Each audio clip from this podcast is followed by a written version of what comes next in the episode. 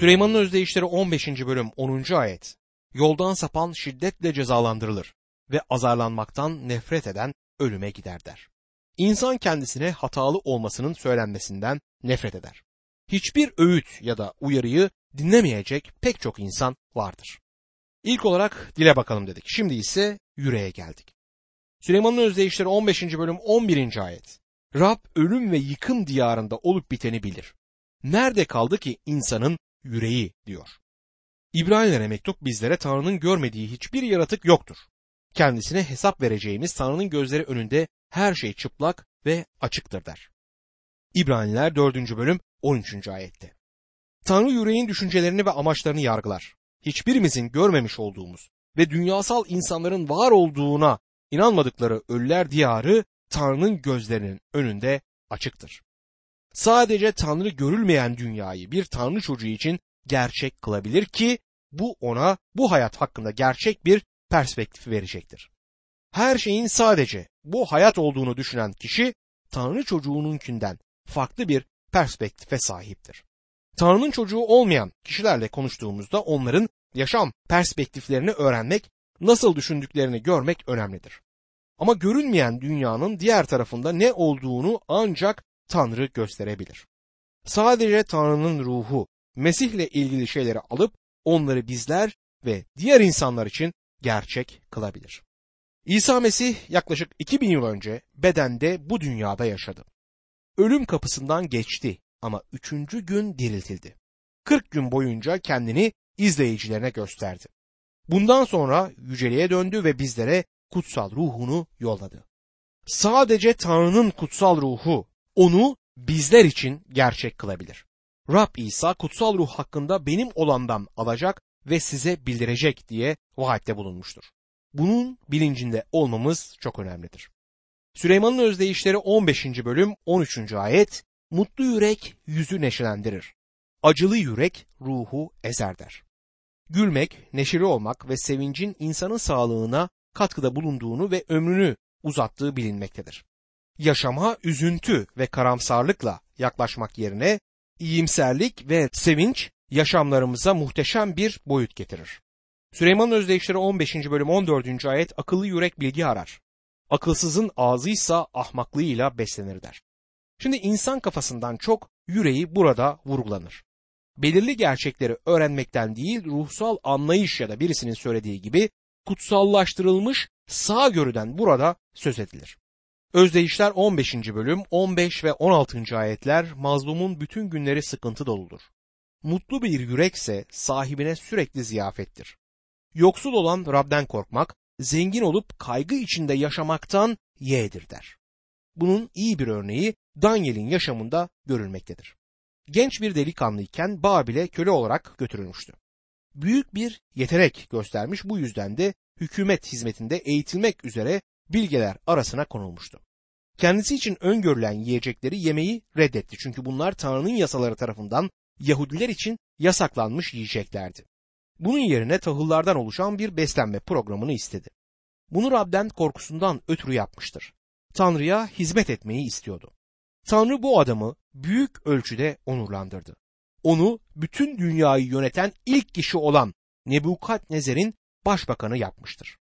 Persler ülkeyi aldıklarında Tanrı Daniel'i yine bütün dünyayı yöneten ikinci yönetici olan Büyük Koreş'in başbakanı yaptı. Tanrı hizmetkarlarını onurlandırdı. Özdeyişler 15. bölüm 18. ayet huysuz kişi çekişme yaratır. Sabırlı kişi kavgayı yatıştırır der. Bizi geriye birinci ayete götürür. Bu 18. ayet. İnsanlara karşı kaba ve sert olan kişi çekişme yaratmaktadır. Ancak Tanrı sözünün bildirilmesinin de çekişme yaratacağı doğrudur. Rab İsa'nın yeryüzüne gelen en tartışma yaratan kişi olduğunu hatırlatmak isterim.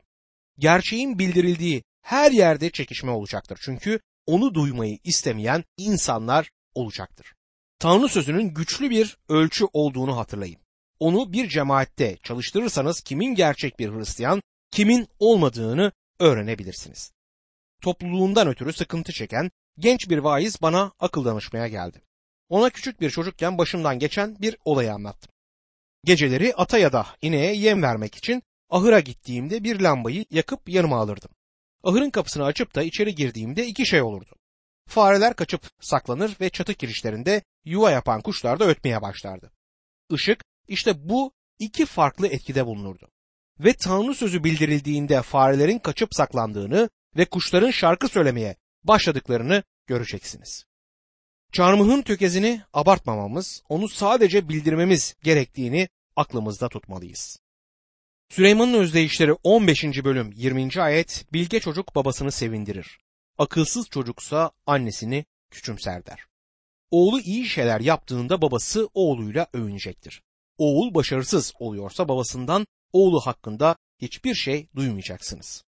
Süleyman'ın özdeyişleri 15. bölüm 23. ayet uygun yanıt sahibini mutlu eder. Yerinde söylenen söz ne güzeldir der. Ne söylediğiniz değil, ne zaman söylediğiniz önemlidir. Bazen doğru zamanda söylenen doğru sözler çok önemlidir. Birçoğumuz doğru zamanda söylenen doğru sözlerin yaşamımızın akışını değiştirdiğine tanıklık edebiliriz. Bana böyle olduğu kesindir. Süleyman'ın özdeyişleri 15. bölüm 26. ayette Rab kötünün tasarılarından iğrenir, temiz düşüncelerden hoşnut kalır der. Kötülerin kurbanlarının yollarının ve düşüncelerinin Rab için iğrenç olduğunu görmüştük. Kötü kişi yollarından döndürülmelidir. Dönmesi gereken yer Tanrı olmalıdır. Süleyman'ın özdeyişleri 15. bölüm 29. ayette Rab kötülerden uzak durur. Oysa doğruların duasını duyar der. Elçi Petrus da aynı şeyi yazmıştır. Tanrı'nın doğru olanların duasını işittiğini ki bu ilginçtir ama kulaklarının kötülerin dualarına kapalı olduğunu 1. Petrus 3. bölüm 12. ayette Elçi Petrus söyler. Süleyman'ın özdeyişleri 15. bölüm 30. ayet Gülen gözler yüreği sevindirir. İyi haber bedeni ferahlatır der. Size şunu söyleyeyim ki kilo vermenin iyi yollarından biri kötü bir şey duymak, kötü bir haber almaktır. Süleyman'ın özdeyişleri 15. bölüm 30. ayette gülen gözler yüreği sevindirir, iyi haber bedeni ferahlatır derken insanların öğrenmesi gereken önemli bir ders bizlere sunulur. Tanrı'dan öğrenmek için alçak gönüllülükle Tanrı'ya gelmek gerekir. Bu derse hepimizin ihtiyacı var. Süleyman'ın özdeyişleri 16. bölüm zengin ve zengin olduğu kadar da önemli bir bölümdür. Zaman ve acı çekmenin potasında sınanmış uzun deneyimler kısa cümlelerle Süleyman'ın özdeyişleri 16. bölümde bize aktarılır. Bunlar kutsal ruhun gücü aracılığıyla bizim için zengin ve gerçek kılınmıştır. Süleyman'ın özdeyişleri Musa'nın yasası altındaki İsrailli bir gence yazılmış olsalar bile bütün zamanlar için geçerlidir.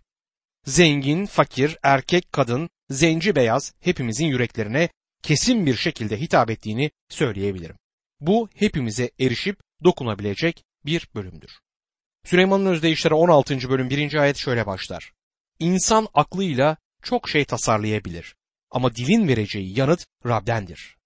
Doktor Ironside bunu şu şekilde çevirir. Yüreğin amaçları insanlardandır ama dilin yanıtı Yahve'dendir. Ayrıca insan amaçlar ama Tanrı izin vermez diye de bir söz vardır. Tanrı sözünün söylediği gibi Yeremya 10. bölüm 23. ayette insanın yaşamının kendi elinde olmadığını, adımlarına yön vermenin ona düşmediğini biliyorum ya Rab diyor. Plan yapabilirsiniz. Ben de planlar yapıp bazı şeyleri düzenleyebilirim ama konuşma ya da harekete geçme zamanı geldiğinde son sözü söyleyecek olan Tanrı'dır. Biz övünebiliriz ama son yanıtı sadece Tanrı verebilir. Süleyman'ın özdeyişleri 16. bölüm 2. ayette insan her yaptığını temiz sanır ama niyetlerini tartan Rab'dir der. İnsan her yaptığını temiz sanır. Bunu daha önce de görmüştük. Özdeyişler 14. bölüm 12. ayette öyle yol var ki insana düz gibi görünür ama sonu ölümdür diyordu. Kayıp insanlarla kurtuluşları hakkında konuşuyorsanız, vaizlik ya da öğretmenlik yaptıysanız çoğu zaman aldığınız yanıt şu olacaktır. Benim kurtulmaya ihtiyacım yok. Ben iyiyim. Benim neyim var ki? Tanrı'nın önünde durmaya razıyım. Ben dürüst bir insanım derler. Bu tür şeyler söyleyip duran pek çok insan var. İnsanlar kendi gözlerinde temizler. Bu sözlerle bana meydan okuyan insanlar oldu. Hatta Tanrı'nın önündeki yaşamlarının kusursuz olduğunu düşünen çok sayıda Hristiyan var.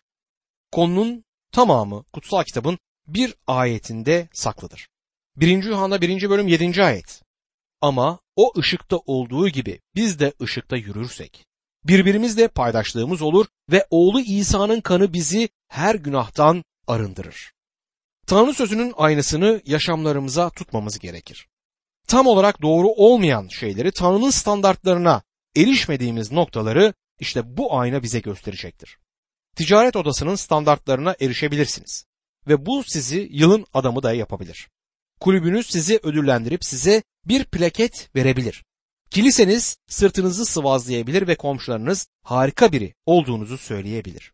Ama dostum, siz kendiniz kendinizi Tanrı sözünün aynasında gördüğünüzde o zaman bir ihtiyacınız olduğunu ve yaşamınızda lekeler olduğunu göreceksiniz.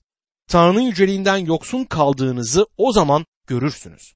Yolunuz kendi gözlerinizde temiz olabilir ama Tanrı'nın gözlerinde bu yol temiz değildir. 1. Yuhanna 1. bölüm 6. ayet onunla paydaşlığımız var deyip de karanlıkta yürürsek yalan söylemiş, gerçeğe uymamış oluruz der. Yuhanna burada Hristiyanlara hitap etmektedir. Kilisede olabildiğince rahat bir şekilde oturan pek çok insan var. Hatta başka insanlara parmaklarını uzatıp onlar pek iyi değil ama ben iyiyim, ben gerçekte iyiyim demektedir. Günümüzde birçok kutsalın gerçekte Tanrı'ya biraz öteye gitmesini söylediklerini biliyorum. Tanrı'nın yanına oturup aşağıya bakarak diğer Hristiyanları eleştirmek isterler. İnsanın kendi yolu, kendi gözüne temiz görünebilir ama Yahve ruhları tartar. Tanrı sizi araştırmaktadır. Ruhları tartabilen bir teraziyi gördünüz mü bilmiyorum. Size söyleyeyim. Bu terazi Tanrı sözüdür. Tanrı sözü bir aynadır. Sizi ölçmek için bir tartıdır ve yetişmediğinizi, standarda erişmediğinizi size söyleyecektir. Bazı kişiler Galatyalara mektubu çalıştığımızda söylediklerimi yanlış anladılar. Bana yazıp Musa'nın yasasının günümüzde geçerli olmadığını söylediniz dediler. Öyle söylemedim. Sadece yasanın sizi kurtarmayacağını söyledim. Yasa iyidir. Elçi Paulus iyi olduğunu söyledi. Yasa bir aynadır. Size Tanrı'nın yüceliğinden yoksun kaldığınızı söyler. Dostum Tanrı'nın yasasına bakıp da hala ona uyabildiğinizi söyleyebiliyorsanız o zaman henüz yasayı görmemişsiniz demektir. Yasanın ne söylediğini gerçekten bilmiyorsunuz demektir. Yasa kusursuzluk isteminde bulunur ve siz ve ben bunu üretemeyiz. Bu yüzden bir kurtarıcıya ihtiyacımız var. Yasanın yaptığı şudur. Bizleri Mesih'e götüren bir öğretmendir. Sizi elinizden tutup çarmıha getirir ve çocuğum ihtiyacın olan şey bir kurtarıcıdır der. Yasa iyidir ama sizi kurtarmaz. İnsanın yolları önünde Tanrı sözü olduğu halde kendi gözlerinde temizse o zaman görmeyi istemeyenler kadar kör olanlar olduğunu da söylemek isterim. Yahve ruhları tartar. Süleyman'ın özdeyişleri 16. bölüm 3. ayet. Yapacağın işleri Rabbe emanet et. O zaman tasarıların gerçekleşir der. Emanet etmek burada yuvarlamak anlamına da gelebilir. İşlerinizi Rabbe yuvarlayın ve Rab onlara bakacaktır. Ben öyle kurtuldum. Gençken evden kaçtım, günaha düştüm, eve döndüm ve vicdanım beni rahatsız etti. Sonra bir vaiz bana Tanrı'nın bana kızgın olmadığını, İsa'nın günahlarımı taşıdığını ve imanla aklanmış olarak Tanrı ile barış işinde olabileceğimi söyledi. O zaman günahlarımı Mesih'e yuvarladım. Bugün bile gece uyuyamadığım zamanlar oluyor. Yatakta dönüp Rab İsa sende dinleniyorum derim. Dönün. Onda dinlenin. Yollarınızı Yahve'ye teslim edin. Yarın, gelecek hafta, gelecek yıl ya da görünemeyen gelecekten ötürü endişe duyuyor musunuz? Her şey nasıl olacak? Neden bütün bunları Rabbe teslim etmiyorsunuz? Ona yuvarlayın. İşte bu harika bir resmi önünüze koyar. Süleyman'ın özdeyişleri 16. bölüm 4. ayet. Rab her şeyi amacına uygun yapar. Kötü kişinin yıkım gününü de o hazırlar der.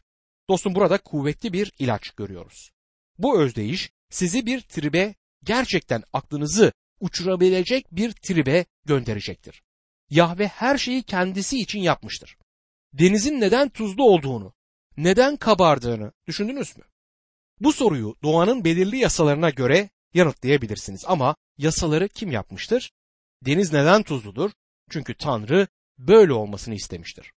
Rab İsa yaratıcıdır ve o bunun böyle olmasını istemiştir. Birisi karada, denizdeki su tarafından filtrelenen tuz olduğunu söyleyebilir. Bu arada tuzu başlangıçta karaya kim koydu sorusunu o zaman sormak lazım. Evrim konusunda neler düşündüğünüz ya da onu ne kadar gerilere taşıdığınız beni ilgilendirmiyor. Sonunda birisinin her şeyi başlatmak için bir şey yapması gerekmiştir. Ve sadece bu kadar da değil. Tanrı her şeyi kendisi için yapmıştır. İnsanın en büyük amacı nedir? Ben bunu çok uzun süre önce ilahiyatta öğrendim. Ve yanıt iyidir. İnsanın en büyük amacı Tanrı'yı yüceltmek ve sonsuza dek onun tadını çıkartmaktır. Kim olduğunuz ya da nerede olduğunuz beni ilgilendirmez. Tanrı sizi kendi yüceliği için yaratmıştır. Birisi ya sokaktaki ayyaş ya o üç kağıtçı adam, o kayıp adam. Bunların da Tanrı'nın yüceliği için olduğunu mu söylemek istiyorsun diye soracaktır. Dostum bu kuvvetli bir ilaçtır. Onu almaya hazır mısınız? Bunların hepsi Tanrı'nın yüceliği içindir. Siz bak ben bundan hoşlanmadım diyebilirsiniz. Tanrı'nın kimseye bundan hoşlanıp hoşlanmadığını sorduğunu da hatırlamıyorum. Tanrı bana bunu sormadı. Doğrusunu isterseniz anlamadığım bazı şeyler var ve Rabbe çok güzel bazı önerilerde bulunabileceğimi de sanıyorum. Ama Rab bana ben bu evreni senin için yapmadım. Bu evren benim için var ve sen benim için varsın. Ve iyi ya da kötü, kurtulmuş ya da kayıp benim yüceliğim için olacaksın der. Tanrı bugün kendi amacını gerçekleştirmektedir. Sizce Tanrı'ya ayak uydurmamızın zamanı gelmedi mi? Evreni yöneten kimdir? Tanrı. Çok sayıda insan kalabalığa ayak uyduruyor. Popüler olana uymaktalar. Bunlar kendi akıllarında işe yarayacak şeyi yaparlar. Dostum bu dünyada her şeyin nasıl olacağını bilmiyorum ama şunu çok iyi biliyorum. Sonuç olarak her şey Tanrı'nın yüceliği için olacaktır. Yasasız bile kötülük günü içindir diyor Tanrı sözünde. Tanrı insanın öfkesinin kendisini övmesine neden olacaktır diyor 76. mezmur 10. ayet. Bunu nasıl yapacaktır bilmiyorum. Bekleyelim. Bir gün bunu göreceğiz. Tanrı'ya güvenmeye ve yolunuzu ona teslim etmeye ve ona ayak uydurmaya hazır mısınız? Çok harika olan şey Tanrı'nın bu evreni kendi planı ve amacına göre yönetmesidir. Eski Yunanların bir özdeyişi var. Tanrıların zarı tutulur. Tanrı bu özdeyişte aynen bunu söyler. Bundan ister hoşlanın ister hoşlanmayın. Tanrı size benimle kumar oynamayın. Ben yokmuşum gibi hareket etmeyin. Bu sizin evreninizmiş gibi ve her şeyi kendi istediğiniz şekilde halledebilecekmişsiniz gibi, ben yokmuşum gibi evcilik oynayabilirsiniz ama şunu bilmenizi istiyorum. Benimle kumar oynamaya başlarsanız kaybedeceksiniz demektedir. Gerçek şu ki bu benim evrenim ve ben zarı sizin istediğiniz şekilde değil, kendi istediğim şekilde atarım ve benim istediğim sayı çıkar. Zarlarım tutuludur. Hangi sayının çıkacağını ben şimdiden biliyorum ve siz bunu bilmiyorsunuz der. Bizim yapmamız gereken şey Tanrı'ya ayak uydurmaktır. Dünya bizim etrafımızda dönmüyor. Kutsal kitap Tanrı olmadan yaşayan insanın akılsız olduğunu söyler. 14. mezmur 1. ayet akılsız içinden Tanrı yok der. İnsanlar bozuldu, iğrençlik aldı yürüdü, iyilik eden yok diyor. İbraniler 11. bölüm 6. ayetin sonlarında Tanrı'ya yaklaşan onun var olduğuna ve kendisini arayanları ödüllendireceğine iman etmelidir diyor. Bu bir ilaçtır öyle değil mi? Ve insanlara bu ilacı alması zor gelir. Süleyman Özdeyişleri 16. bölüm 7. ayet. Rab kişinin yaşayışından hoşnutsa düşmanlarını bile onunla barıştırır der. Bu özdeyiş konusunda oldukça sıkıntı çektim ve diğer insanların bu konuda neler söylediklerini araştırdım. Eğer yaşayışınız Tanrı'yı hoşnut ederse bir düşmanınız olmayacağını mı bu ayette söylemek ister. Eğer bu doğru olsaydı o zaman Tanrı'nın bir düşmanı olmazdı ve Tanrı'nın bir düşmanı var. Benim yorumum eğer yaşayışınız Tanrı'yı hoşnut ederse o zaman düşmanınız sizden nefret edebilir ve bu arada sizden nefret edecektir de. Ama ilginç olan şey doğru söylemeleri gerektiğinde bu insanlar Tanrı'nın sizi kullandığını itiraf edeceklerdir. Önemli olan budur. Benim hakkımda söylenen en güzel sözlerden birini benden nefret ettiğini açıkça söyleyen birisi söylemiştir. Ondan nefret ediyorum ama Tanrı sözünü bildiriyor dedi.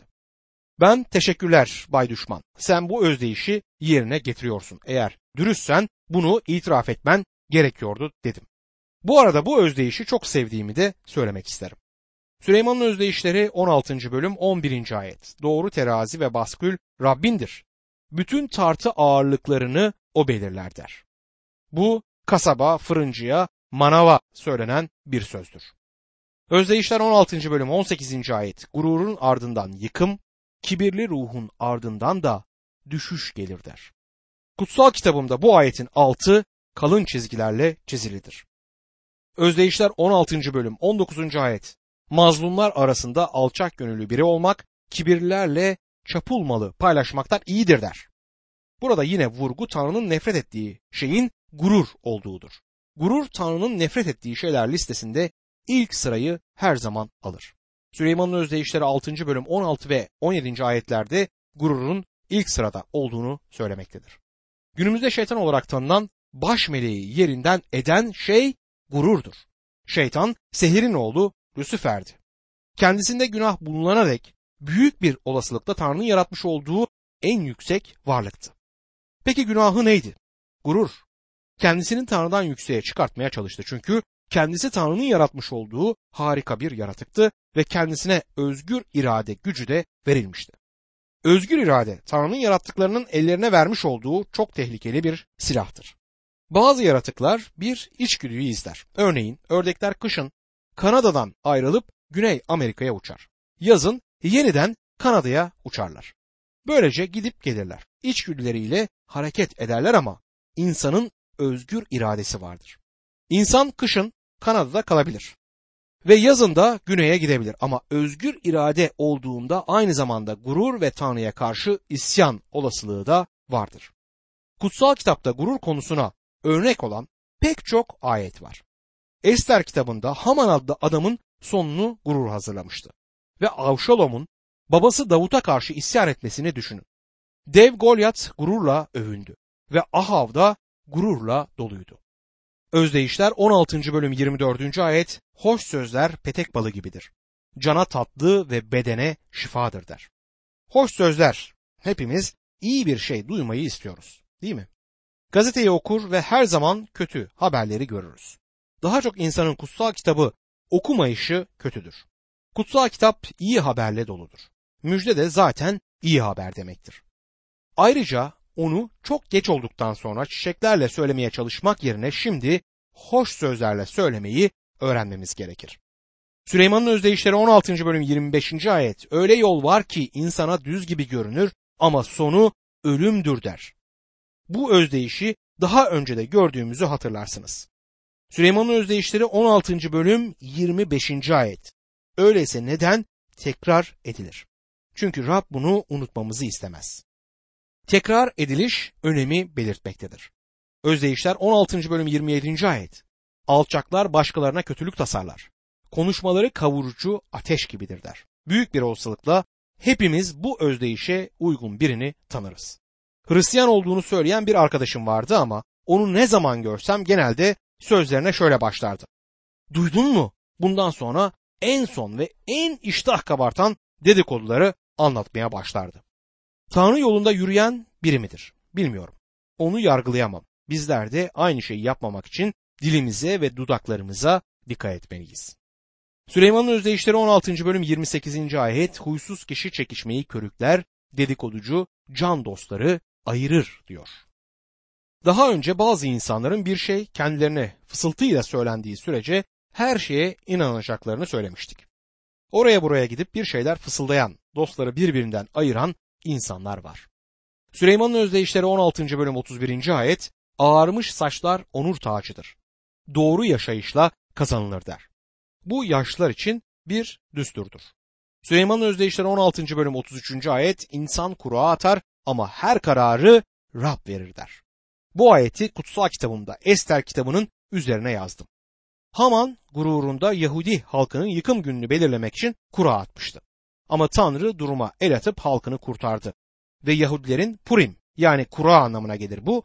Kurim bayramı Tanrı'nın kendilerini kurtardığı o günün kutsamasıdır. Yeniden söylemeliyim. Tanrıların zarları tutulur. Tanrı ile kumar oynamayın.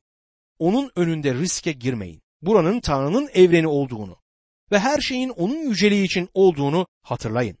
Tanrı'nın amacı işindir bu evren. Tanrı ile işbirliği yapmayı istiyor muyuz?